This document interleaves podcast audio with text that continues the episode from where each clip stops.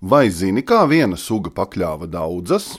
Dažādu dzīvnieku sugu miedarbība dabā notiek nepārtraukti, un iespējams, līdzīgai divu sugu miedarbībai ir ļoti liela nozīme daudz šūnu organismu evolūcijā jau vairāku miljardu gadu garumā. Kā vienu no plašāk izplatītajiem divu sugu miedarbības piemēriem var uzskatīt šūnas organēlas, mitohondriju un saimniekšūnu simbiozi, kas aizsākās aptuveni pirms eh, diviem miljardiem gadu. Kopš tā laika vienšūņu dzīvnieku augu un sēņu šūnās mitinās simbiotiska baktērija, ko mēs saucam par mitohondriju, kas nodrošina šūnām enerģiju, pārveidojot glukozi līdz šūnām izmantojama ATP jeb adenozīna trifosfāta. Bez šīm organelām dzīvību Zemes, kādu mēs to pazīstam, nebūtu.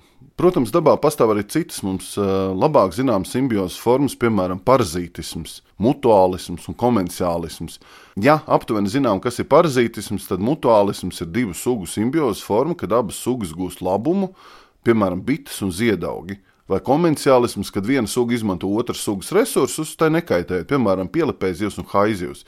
Pielipējas zivs izmanto haizivi kā barības avotu. Haizivs iegūst barību, un šī pielipējas zivs barojās ar barības atliekām un uh, izmanto arī haizivi kā transporta līdzekli. Termīti, piemēram, audzē sēnes, skudras rūpēs par laputīm, savukārt sēnes mēdz izmantot kukaiņus, lai izsētu savus sporus plašākā reģionā. Te kā interesantāko piemēru var minēt Ofikordiceps unilateralis, kas parazitē skudrās un neilgi pirms sēnes augļķermeņa veidošanās liek skudrām uzrāpties pēc iespējas augstāk, iestiprināties ar žokļiem augā, un tad no skudras galvas izdīgs sēnes augļķermenis, kas izsēja sporas jau plašākā reģionā. Sienāžus izmanto ūdenī dzīvojoša nematofora, ko tautā sauc par zirga matiem. Šis nematodē līdzīgais parazīts oliņš dēļ ūdenī, bet tā kāpuru nejauši apēd sienāzes. Tajā attīstās pieaugušais indivīds, kas izmantojot specifiskas signāla molekulas, liek sienāzim lēkt ūdenī, kur tas, protams, noslīkst. Un no sienāža izlien garš tārps, kas vairākas reizes var pārsniegt pašu sienāžu garumu. Un parzīts kā tārpa reproduktīvais cikls var sākties no jauna. Arī homo sapiens sapiens, jeb saprātīgais cilvēks, ir suga, kas pakļāvas daudz citas sugas. Pirmā suga, ko pakļāva cilvēki, bija vilki. 15,000 gadu laikā, pateicoties mērķiecīgai selekcijai, cilvēki ir izveidojuši apmēram 190 oficiālas suņu šķirnes. Turklāt suņu un vilku krustošana joprojām var radīt vairoties spējīgus pēcnācējus. Tāpēc vilkus un suņus var uzskatīt par vienas sugas pasugām.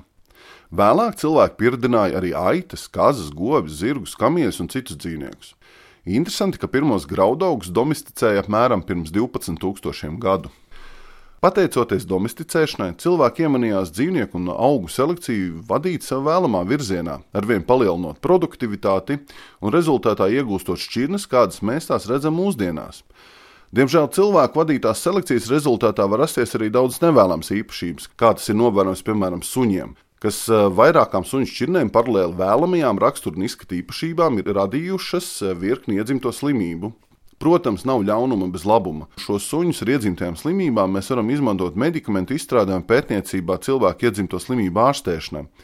Viena no jaunākajām domesticētajām dzīvnieku sugām ir ūdeles, ko izmanto kažokādu ieguvēju.